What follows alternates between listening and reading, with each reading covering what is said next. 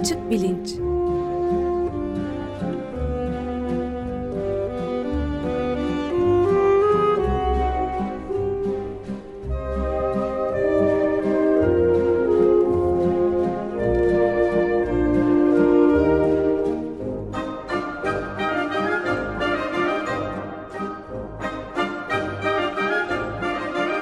Güven Güzeldere ile bilim ve felsefe sohbetleri. Merhabalar Güven Bey, günaydın. Günaydın Ömer Bey. Merhabalar. Günaydın Özdeş. Merhaba efendim. Ee, merhaba Selim Bey, günaydın, hoş geldiniz. Günaydın. Evet, özel bir program, ya özel bir teknik gelişmeye de e, bağlı olarak ben e, şahsen burada evde İstanbul'da, siz de e, Cambridge'de, Amerika Birleşik Devletleri'nde, Boston'da ve stüdyoda da e, Selim Badur'la Özdeş Özbay var ve beraberce yeni bir konu var. E, s- e, Covid- Covid-19 diye bir şey varmış, onu konuşalım dedik.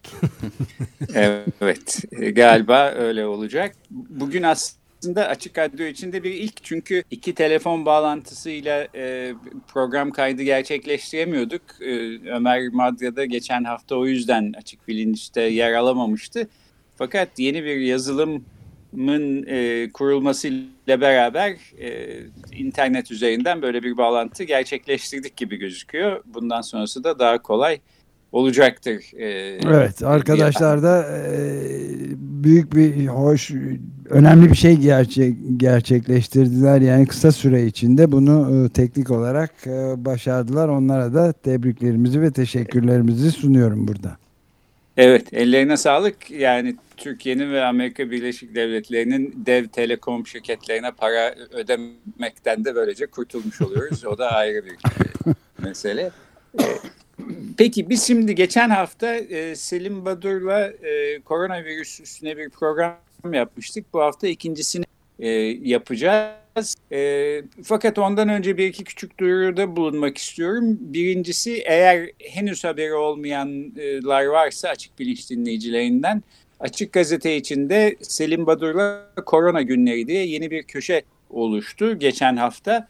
E, bu köşenin aslında önemini ve değerini e, ne kadar vurgulasam az. E, çünkü benim yaşadığım Cambridge, Boston bölgesinde de pek çok iyi üniversite var, tıp fakültesi var. İşte yani ortalık virologdan, immünologdan, uzmandan geçilmiyor. Sürekli bunlar radyoda konuşuyorlar. Ben de bunları takip etmeye çalışıyorum.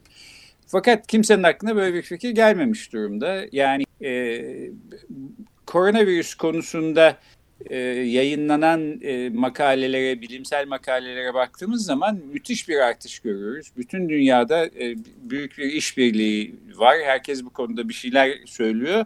Her gün yeni bilgiler akıyor.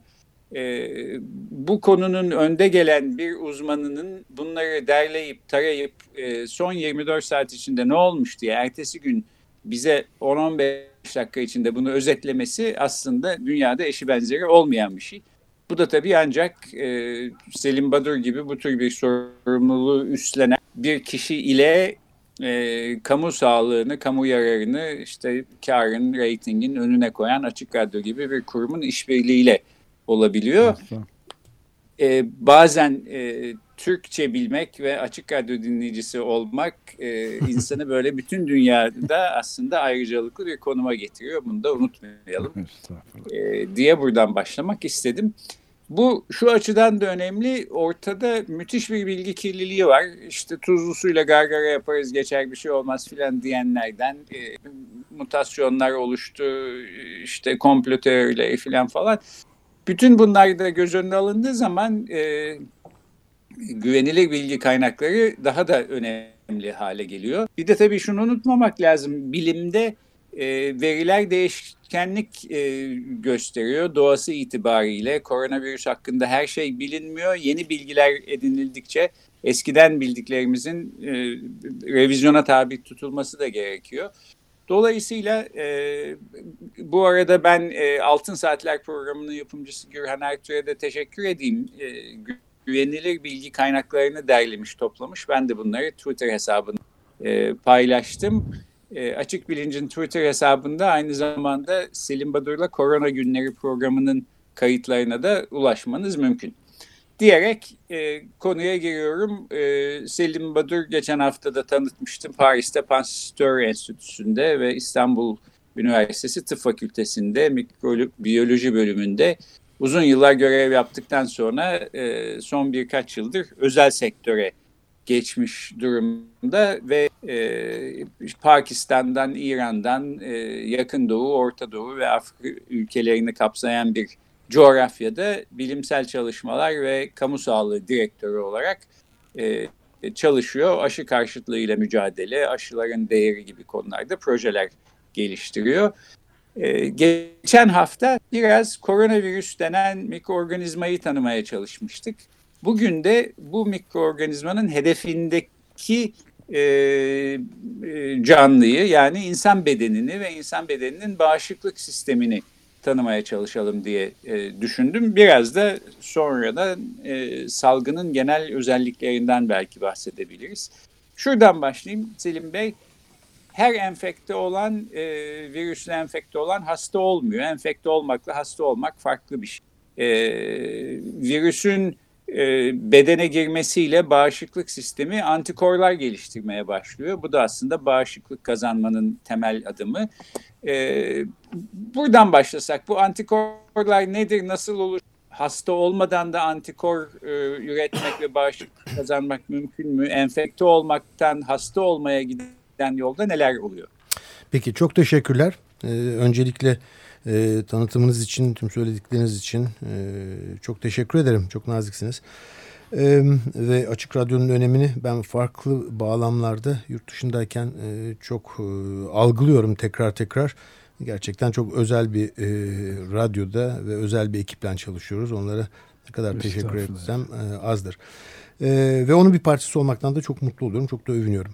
Şimdi e, bağışıklık sistemi dediğinizde e, aslında bunu e, şöyle bir konu nedeniyle de önemli ülkemizde bunu konuşmak. Çünkü hani televizyonlardaki o çok bilgi kirliliği yaratan tartışma programlarında dönem dönem bir takım insanlar bağışıklık sistemimizi güçlü kılmamız lazım. Bağışıklık sistemine şu ya da bu meyveleri, bitkileri, çayları içerseniz bağışıklık sisteminiz kuvvetlenir, güçlenir ve e, virüslerle mücadelede çok önemlidir diyor. Bu pek e, bilimsel bir yaklaşım değil. Bir kere çok fazla e, hücrenin, molekülün rol oynadığı oldukça karmaşık bir sistem e, bağışıklık sistemi. Ve ilginçtir, e, immünoloji bilim dalı belki de tıp e, konuları içinde en dinamik olanı. Bunu şunun için söylüyorum. Ben İstanbul Tıp Fakültesindeyken immünoloji derslerinden sorumlu bir öğretim üyesiydim. Ve ben her yıl e, slaytlarımı yenileyip her yıl farklı şeyler anlatıyordum. Ee, ama buna baktığımız zaman örneğin bakteriyolojideki arkadaşlarıma ya 20 senedir işte stafilokok bakterilerini anlatıyorsunuz. Hep aynı şekilde anlatıyorsunuz aynı slaytlarla. Bir şey değişmiyor orada. Şekli, yaptıkları aynı. Belki tedavileri değişiyor ama immünoloji çok dinamik bir e, alan ve e, bugün doğru bildiğimizi e, yarın ya bu yanlışmış e, diye e, özellikle tekniklerin daha duyarlı, daha gelişmiş tekniklerin kullanımı ile e, bir takım kavramlarda değişiyor.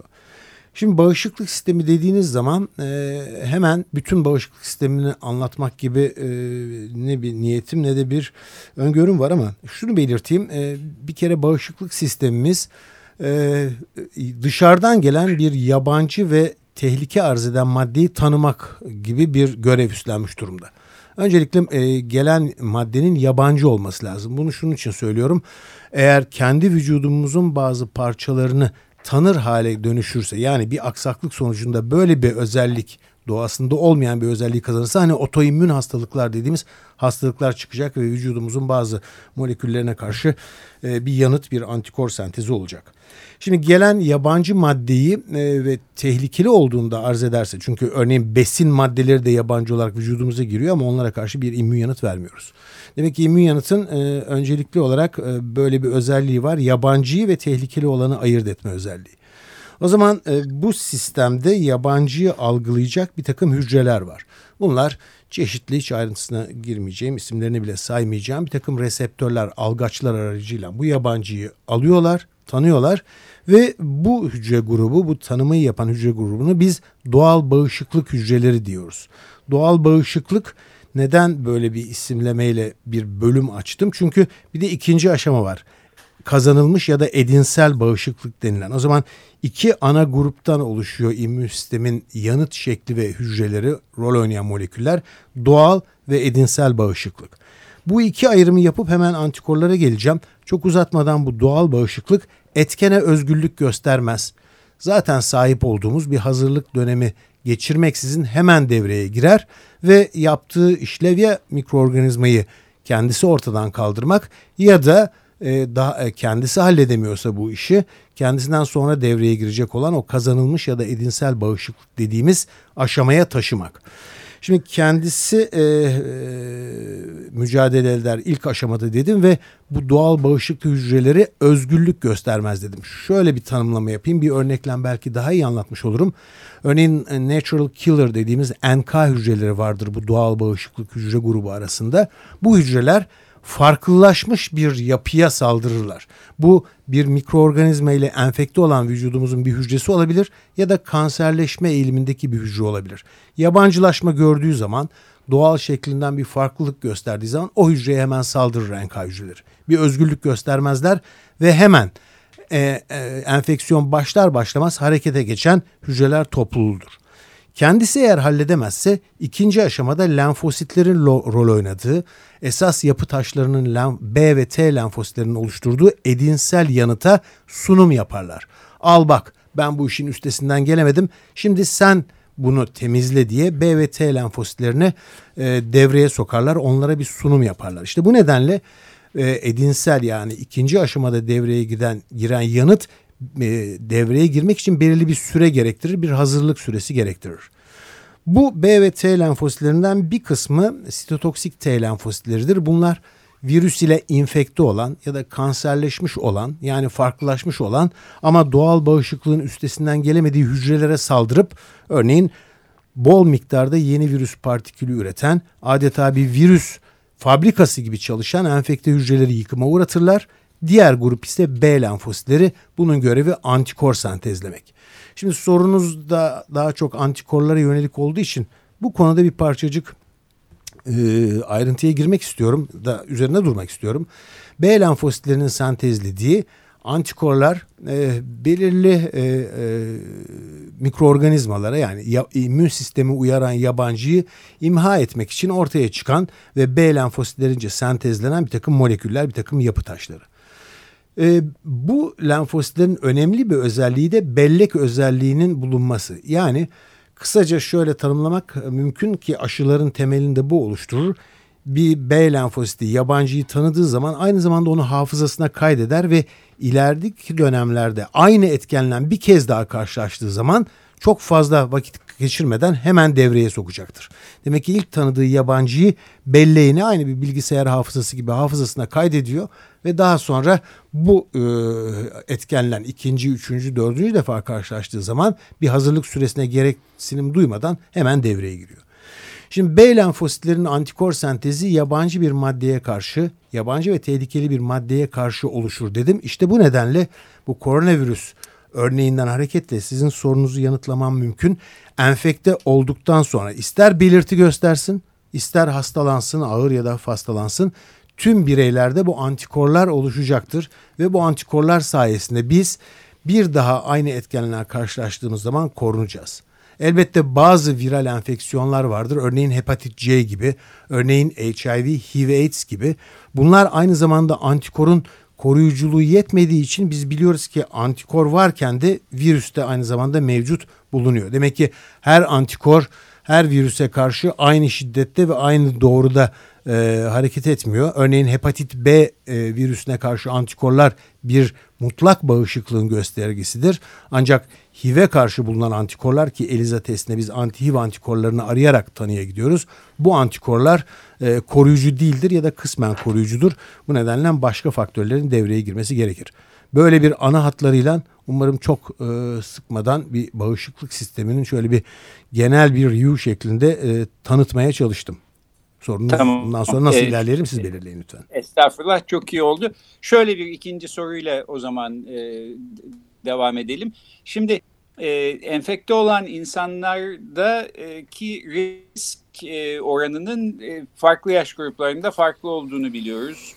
Başka hastalıklar e, söz konusuysa yine bir farklılık olduğunu biliyoruz. Fakat sanki böyle unsurların olmadığı bir grup içinde de yani gençlerden oluşan ve sağlıklı bireyler arasında da bazıları ciddi şekilde hastalanırken hatta ölürken e, bazıları hiç hastalanmadan e, taşıyıcı olarak e, enfekte olmuş ama hasta olmamış kişiler olarak yaşamlarını sürdürüyorlar.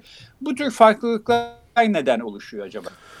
Ee, teşekkür ederim bu soru için de önemli bir nokta çünkü e, başlangıçta e, bu sabah e, korona günlerinde de bunu söylemeye çalıştım ama galiba sesim çok iyi değilmiş bir bağlantı sorunu olmuş.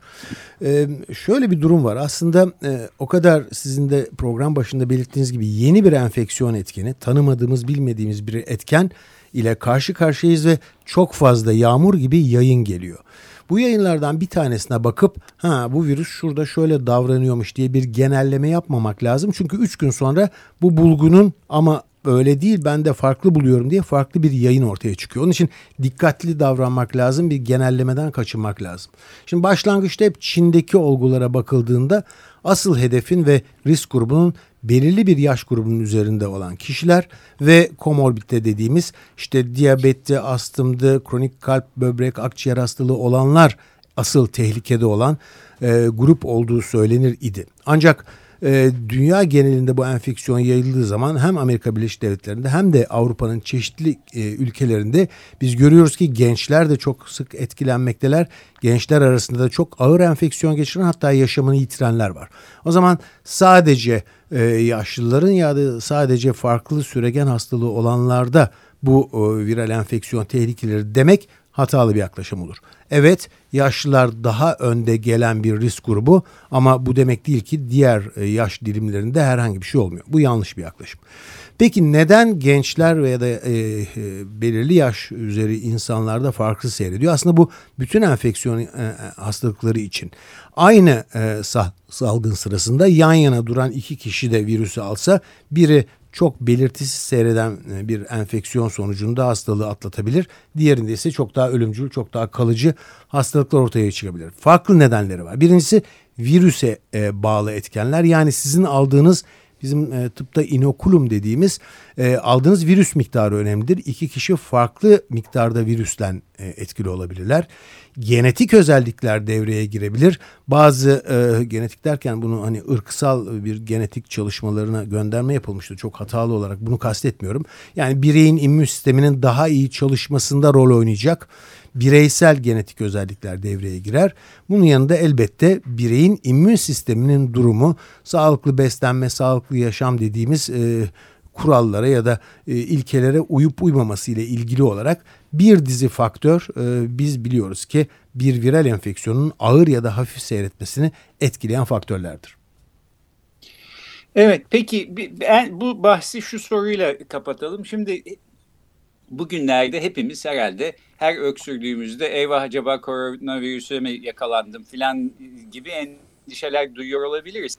Ee, bir şekilde enfekte olma durumunda e, tavsiye edilecek herhangi bir şey var mı? Yani bunun bir çaresi anlamında söylemiyorum ama hani şunu yap bunu yapma e, şeklinde pratik tavsiyeler söz konusu mu?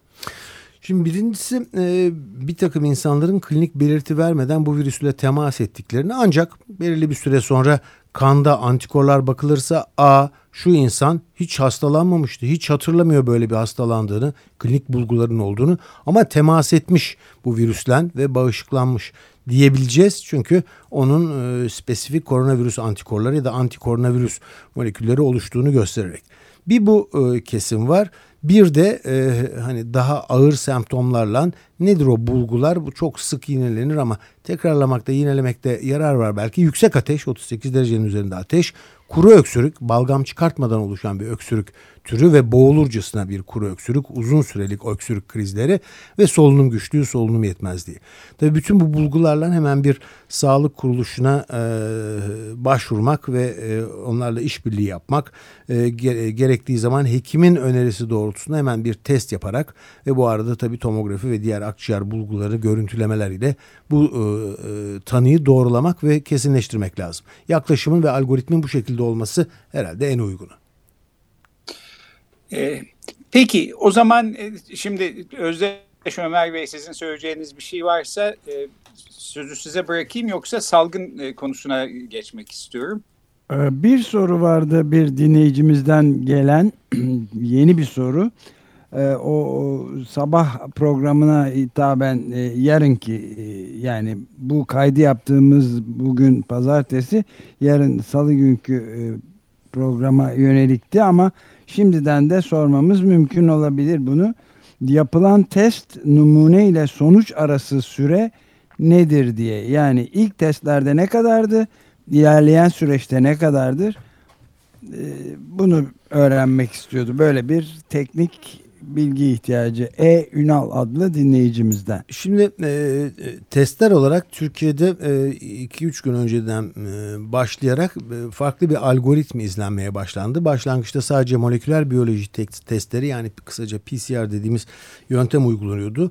Bu e, e yöntemin 3-4 saat gibi bir süre gerektirdiğini biliyoruz ve pratik açıdan da pek mümkün değildi geniş sayıdaki örnekleri incelemek için. O nedenle e, sağlık yetkilileri Türkiye'de önce bir antijen testi dediğimiz kısa sürede yani dakikalar içinde sonuç veren ve virüsün yapı taşlarından bir tanesini bir antijenini saptayan hızlı testleri uygulamakta. Bu hızlı testler eğer pozitif sonuç verirse doğrulamak amacıyla e, PCR yöntemine başvurulmakta. Aynı e, HIV-AIDS örneğinde ELISA testiyle pozitif çıkanları muhakkak Western blot gibi bir yöntemden doğrulanması gibi.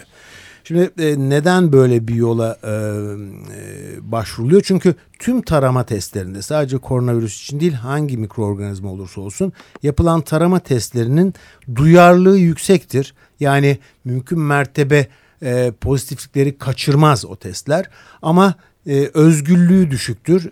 Yani kısacası her pozitifliği muhakkak o etkeni göstermez. Bir takım çapraz reaksiyonlar nedeniyle. İşte bu nedenle pozitif sonuç alınınca muhakkak bir doğrulama testiyle yani özgürlüğü yüksek bir moleküler biyoloji testiyle o yöntemin, o ilk yöntemin e, sonucunun doğrulanması gerekir. Bu önemli bir nokta. Ee, tabii bu arada testlerle ilgili ayrıntılara hiç girip kafa karışıklığına yol açmak istemiyorum ama bu testlerin hiçbirisinin e, yüzde yüz doğru sonuç vermediğini bilmemiz lazım. Bu şu an içinde yaşadığımız 2020 yılında geldiğimiz noktada evrensel olarak bilinmesi gereken bir nokta e, hiçbir şekilde e, biz biliyoruz ki hani eğer yalancı bir pozitiflik e, bütün testlerde doğrulama testinde bile ortaya çıkarsa e, burada çok büyük sakınca yok. Ama dönem dönem aldığınız muayene maddesinde etkeni saptanabilir e, düzeyin altında e, bulunabilir örnekte etken. O nedenle klinik bulgularınızı eğer ısrarla koronavirüs enfeksiyonu COVID-19'u andırıyor ise negatif testlerin bir süre sonra 3 gün, 5 gün, bir hafta sonra tekrarlan yinelenmesinde yarar var diyor algoritmalar. Benim ufak bir sorum olacak. Ee, bu iyileşenlerin sanırım Amerika'da çıkan bir tartışmaydı. Bu bir tartışma tabii. Bunu size o yüzden sormak istiyorum. İyileşenlerin kan vermesi yani antikor e, bedeninde üretilenlerin kan vermesinin aşı bulunana kadar bir yöntem olabileceğinden söz ediyor. Böyle bir gerçeklik var mı? Şimdi bir takım enfeksiyon hastalıklarından korunmada biz e, ya aşılarız ya da hani e, belki toplumumuzda, ülkemizde tetanoz gibi bir takım enfeksiyon hastalıklarıyla mücadelede pasif bağışıklık dediğimiz başka bir canlıda ya da insanda e, üretilen antikorların tedavi amaçlı kullanımı. E, çok pratik bir yöntem değil, çok yaygın olarak kullanılamaz ama bir bireyde oluşturulan antikorların başka bir bireye vererek daha kendisi o antikorları üretmeden biz farklı bir bedende oluşan antikorları tedavi amaçlı kullanabiliriz. Evet bu yapılabilir. E, bu antikorlar başka birinde oluştuğu için süratle vücuttan atılacaktır. Koruma süresi azdır ama e, yine de etkili olabilir. Bilemiyorum koronavirüs örneğinde bu tip çalışmalar bu bir fikir ama başladı mı bunun hiçbir sakıncası olmadığını ve e, farklı örneklerini farklı mikroorganizmalarla ilgili örnekleri olduğunu biliyoruz. E, yapılabilir elbette. Son Peki olarak ben, ben pardon buyurun. Bir tek şey daha sorayım. E, bu sabah e, yani pazartesi günkü korona günlerinde sorduk ama ses konusunda e, Selim Öyleymiş, önce evet, de söylediği evet, gibi bazı sorunlar olmuş olabileceği kaygısıyla bir kez daha bir başka dinleyicimizden de e, Özgür Atlagan'dan gelen bir e, soru vardı. Yani o da e, şunu söylüyordu. E, yurt dışından gelenlere ya da getirilen kişilere test yapılmaması ve yalnızca gözlem altında tutulması gerektiği gibi bir sonuç çıkarmalı mıyız diye bir soru sormuştu. Bir de bunu da tekraren e, sormak istedim size. Peki teşekkür ederim. Çok kısaca yanıtlayayım. Yurt dışından gelen bir kişi e, eğer klinik bulgusu yoksa yani ateşi, öksürüğü, e, solunum güçlüğü yoksa ona test yapmak e, algoritmelere göre uygun değil, gerekli de değil. E, o nedenle biz e, enkübasyon süresi dediğimiz bu iki hafta 14 günlük süreyi o nedenle insanları karantinada yurt dışından gelenleri bekletiyoruz. Bu arada eğer onların arasında atıyorum 7. gün, 10. gün, 15, 12. gün bu karantina süresince bu tip bulgular ortaya çıkarsa hemen test yapılır. Yoksa herhangi bir bulgusu olmayan ama sadece yurt dışından geldiği için e, test yapılması hayır bu e, doğru bir yaklaşım olmaz. Evet çok teşekkürler. Peki ben de o zaman salgın konusunda bir iki e, soruyla e, programın e, son kısmını bitirmiş olayım. Şimdi e, felsefede çok temel bir ayrım gerçek olanla gerçeğe dair bilgimiz arasındaki ayrım. Burada da bu haliyle söz konusu. Gerçeğe dair bilgimiz her zaman gerçeği bütünüyle kapsamıyor ve genellikle bir rötarla geriden geliyor. E, Türkiye'de de son e, birkaç günde sayıların çok hızlı arttığını görüyoruz ama bu e, yeni enfekte olan insanlardan ziyade yani işin gerçeğinden ziyade belki bu gerçeği bizim öğrenmemizle alak olabilir. E, tahmin ederim ki bir e, böyle bir tanrısal bakışla bütün dünyadaki enfekte olmuş insanları görebilmek mümkün olsa şu anda eldeki sayılardan daha yüksek bir sayı ortaya çıkardı. Büyük ihtimalle Türkiye için de öyle olurdu. E, bunu da epidemiden pandemiye e, giden yola bağlamak istiyorum. Şimdi e, yerel bir salgının nasıl dünya çapında bir pandemiye dönüştüğü konusunda iyi kötü bir fikir sahibiyiz. Fakat epidemiler nasıl ortaya çıkıyor? Ben mesela bunu merak ediyorum. Yani bu koronavirüsü öteden beri var olan işte yarasaların bedenlerinde yaşayan ama onlara zarar vermeyen bir virüstü günün birinde e, bir insana bulaşmasıyla belki bir aracı yoluyla e, böyle bir salgına mı dönüştü yoksa bir e, virüsün yeni bir mutasyonu olarak yeni bir mikroorganizma olarak mı ortaya çıktı? İkisi de tabii kötü fakat eğer e, yıllardan beri zaten var olan bir virüstü bir, bir şekilde insan bedenine taşınmasıyla oldu olanlar diyorsak o herhalde koronavirüs gibi başka pek çok virüsün de olabileceğini ve bu, bu tür salgınların ihtimalinin aslında çok somut bir ihtimal olarak önümüzde durduğunu sanki gösteriyor. Ben de bunu sormak istedim. Evet sorunuzun başında felsefeden bahsedince kullandığınız deyimler bana felsefenin temel ilkeleri kitabını hatırlattı. Bunu da belirteyim. ee, şimdi e, tabii bu enfeksiyon hastalıklarının bir toplumda bulunmasını biz üç e, farklı tanımlamayla e, e, anlatmaktayız. Biri bir tanesi bir enfeksiyonun bir toplumda endemik olarak bulunması. Yani yerleşmiştir o toplumda. Her sene o toplumda belirli sayıda enfeksiyon görülür. Örneğin kızamık Türkiye'de şu an için endemik bir hastalıktır. Belirli sayıda kızamık olgusu görülür.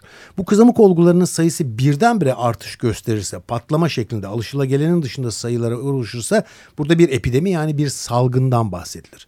Ha bu salgın iki nedenle salgın değil de pandemi şeklinde tanımlanmaktadır. Birincisi küresel boyut kazanması lazımdır. Diğer bir deyişle bütün kıtalarda ortaya çıkan bir salgın söz konusu olması lazım. İkincisi de bu salgındaki rol oynayan etkenin yeni bir etken. İnsanlar için o güne dek henüz tanımlanmamış insan topluluklarında e, ülkelerdeki tüm e, insanlarda antikor taşımayan ve bu nedenle de çok süratle yayılan enfeksiyonları biz pandemi olarak tanımlamaktayız ana hatlarıyla. E, peki biz acaba e, bu koronavirüs daha önceden neredeydi? Evet bu koronavirüs yeni bir antijenik tiptir eski e, koronavirüslerle SARS, MERS ya da daha önceden bilinen ve hafif enfeksiyon yapan, soğuk algınlığı, nezle türü solunum yolu enfeksiyonu yapan bildik dört tane insan koronavirüsü var. Onlardan farklı bir sekans dizi analizleri sonuçları var. Ama e, mutasyon deyince insanlar korkuyorlar bu mutasyon sürekli virüs evrile evrile sürekli e, değişik özellikler kazanıyor diye. Şu anda işin başından beri yani Ocak ayının başından 2020 yılının şu ana kadar 22 Mart'a kadar e, bu dolaşımdaki koronavirüse ait virülansını ya da yayılımını değiştirecek herhangi bir önemli mutasyona rastlanmadı. Ama bu virüsler e, dönem dönem bizim bilmediğimiz adını e, hani duymadığımız ya da çok uzaklarda bizden Irak'ta olan bir takım virüsleri biz duymaya başlayacağız. Özellikle bu küreselleşme, özellikle bu vahşi bir şekilde doğayı, hayvanları ve onlara olan yaklaşımımız değişmedikçe biz çok doğal olarak ekolojiyi değiştirdiğimiz için özellikle bir takım vektörler, rezervuarlar ve konakların yer değişmesi, davranış değiştirmesi sonucunda yeni enfeksiyon hastalıklarıyla sık sık bundan sonra daha da sıklıkla öyle diyeyim en azından karşılaşacağız. Yani hem insanoğlunun evet. yarattığı olumsuzluklar hem de virüslerin kendilerinden kaynaklanan bu yeniden doğuş ya da yeni tiplerin ortaya çıkışı mümkün. Peki programı şu soruyla bitirelim. E, vaktimizi açtık ama e, hepimizin endişesinin giderek arttığı günlerde, bugünlerde boş ümitlerde yaratmadan e, yine de olumlu bir şeyler söylemek mümkün mü? Önümüzdeki haftalar, aylar için e, nasıl bir öngörünüz var? Ee, tabii dediğim gibi bu virüsten ilgili bilgiler çok yeni. E, her gün birbirleriyle bazen çelişen yayınlar, bilimsel yayınlar oluyor. Hepsinin doğruluk payı var. Ee, ancak bilinen tek şey e, toplumların %50'ye varan bir toplumsal bağışıklığı kazanmaları halinde virüsün bulaş hızı yavaş yavaş azalacak ve ortadan kaybolacak. Yoksa bunun ısıyla sıcaklıktan falan hiçbir ilgisi yok. E, bu toplumsal bağışıklık ne zaman olur? E, sanıyorum bu Nisan'ın 3. haftasına doğru pik dönemine gireceğiz. Özellikle ülkemizde. Yani bugün akşam haberlerde hep öğrendiğimiz enfekte birey ya da kaybedilen birey sayısı katlanarak artacak bir 10-15 e, gün kadar. Bu benim öngörüm. Tamamen yanılabilirim. Sadece bir e, varsayım. Ee, ve e, daha sonra Mayıs ayının ortalarına sonuna doğru yavaş yavaş azalacak. Hemen belirteyim bundan kapayalım isterseniz. Güney Kore ve Çin işi halletti bitti tamam oldu kapadılar defteri deniyor. Aman bu konuda da bu kadar erken konuşmayalım. Böyle bir iyimser hava olmasın. Bütün pandemilerde ikinci dalga denilen bir dalga gelir. Hani burada olur demiyorum ama böyle bir riski göz ardı edilmemeli. İkinci dalga bazen 1918 ve 57 grip pandemilerinde olduğu gibi daha da sert, daha da şiddetli gelebilir. Bu bir varsayım. Olur demiyorum ama olursa da şaşmamalı. Evet, peki çok teşekkürler. Ben e, aslında bu Selim Badur'la korona günleri köşesinin oluşması ile birlikte bayrağı e, size, Özdeş'e ve Ömer Bey'e devrettim gibi hissediyorum. Dolayısıyla açık bilinçteki viroloji, immünoloji tartışmasını bu hafta şimdilik en azından e, bitiriyoruz. E, ileride başka konuları da konuşmak e, ümidiyle yeniden e, konuk olursunuz diye ummaktayım. Bir e, aksilik olmazsa gelecek hafta salgın günlerinde ruh sağlığımızı korumak e, konusunda işin psikoloji ve psikiyatri yönlerini Profesör Sibel Çakır'la e, konuşacağız. Bugün e, konuğumuz Profesör Selim Badur'du. Geçen hafta olduğu gibi e, bu haftada bize koronavirüsü hakkında çok önemli bilgiler verdi. Açık Gazete içinde sabahları Selim Badur'la korona günlerinde de kendisini dinlemeye devam edebilirsiniz. Teşekkür ediyoruz Selim Bey. Ben çok teşekkür teşekkürler efendim. Selim Bey. Sağ olun çok teşekkürler. O zaman Güven Bey'e Bey. hani ileride pardon Ömer Bey e, Güven Bey'e bir şey söyleyeyim. Bir sonraki salgında buluşmak üzere hoşçakalın diyeyim size veda edeyim o zaman. hoşçakalın. Teşekkür, teşekkürler efendim. Görüşmek üzere. Hoşçakalın.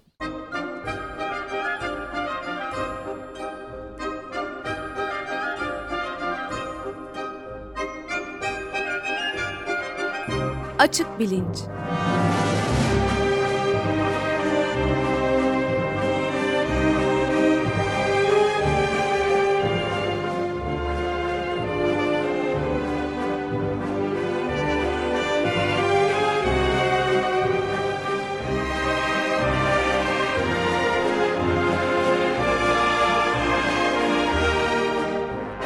Güven Güzeldere ile bilim ve felsefe sohbetleri.